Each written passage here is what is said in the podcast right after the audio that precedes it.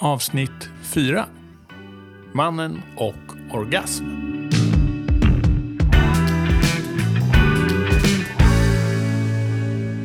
Mannen och orgasm. Ja.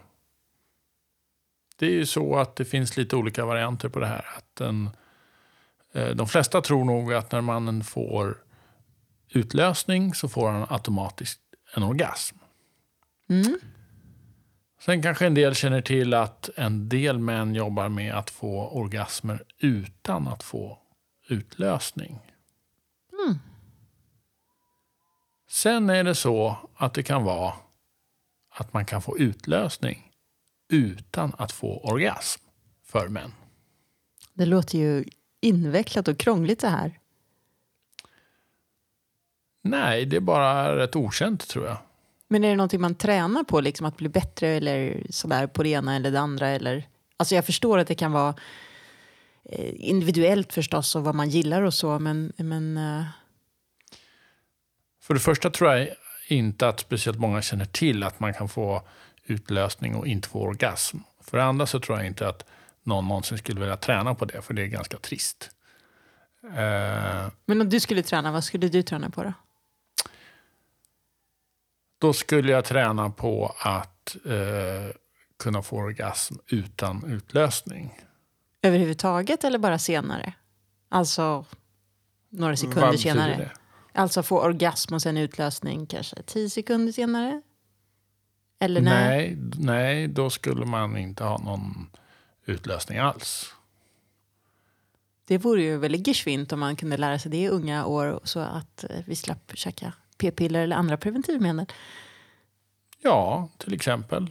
Och sen eh, innebär ju det att man kan eh, ha eh, sex längre. För vid utlösningen så sker ju lite kemiska resultat som gör att man blir trött och, och, och mannen slaknar och inte orkar ha mer sex.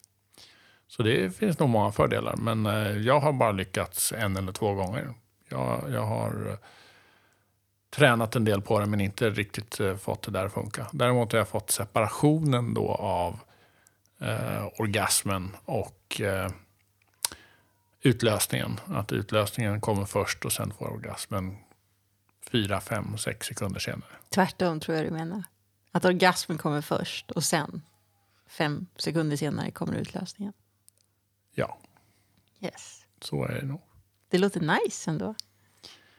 Ja, det brukar vara skönt.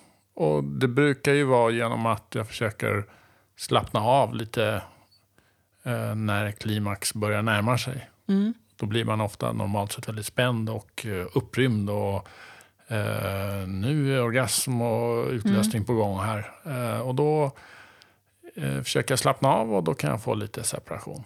Mm. Har du haft så flera orgasmer på rak? Alltså då om vi har tränat på att bara få orgasm utan utlösning. Har du hunnit med flera orgasmer under samma sexakt? Nej, däremot så kan ju orgasmen bli något längre. För man har separationen och den börjar då tidigare och då kan den hålla på en stund. Eh, så att den kanske blir lite längre än en, en normal orgasm. Kan den bli kraftigare, alltså mer helkroppsorgasm eller är den... Det vet jag inte om jag skulle, hur jag skulle definiera den. Annorlunda. skönare? I och med att den är längre så är den oftast skönare. Vad har vi mer att säga om det här med mannen och orgasmen? Ja, vissa försöker undvika det eller eh, eh, spara på dem. Vad, inte ha för ofta för att de tror att de tappar energi eller eh, vad de kan ha för strategier kring det där. Kanske vill ha eh, kvalitet framför kvantitet. Att njuta i varje stund istället för att bara jobba mot något klimax. Det kan vara en metod att eh, försöka tänka och njuta av sexet och inte bara jobba till den där utlösningen. Hur påverkas du och dina orgasmer och utlösning av mig och mina orgasmer när vi har sex då? Jag gillar ju att eh, hjälpa dig att få orgasmer. Och har inga problem att, att vi har sex och att du har flera orgasmer och jag inte får någon utlösning eller någon orgasm. kan fortfarande vara väldigt tillfredsställande sex för mig. Mm. Fast det, det kanske inte är en grej som vi då... Alltså som du medvetet så här, idag ska jag inte ha en utlösning, idag ska jag Nej. inte ha en orgasm. Nej, det jag... brukar inte finnas någon plan bakom det där. Men eh, eh, vi har det mysigt och, och du får orgasmer och vi skapar dem tillsammans.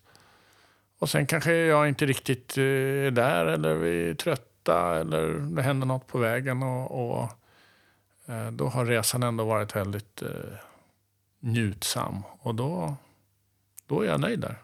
Mm. Men om det nu är så få som känner till det här.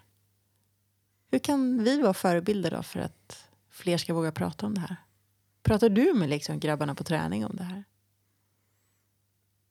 Nej, det kommer sällan upp. Synd. Det är svårt. Det är inte naturligt. Nej, jag tror att fler skulle må bra av att prata om det. Inte bara med sin partner utan även liksom släppa lite stigman och sånt som finns i samhället. Spännande. Mm. Vi får väl se vad vi pratar om i nästa episod, avsnitt. Tack för denna gång.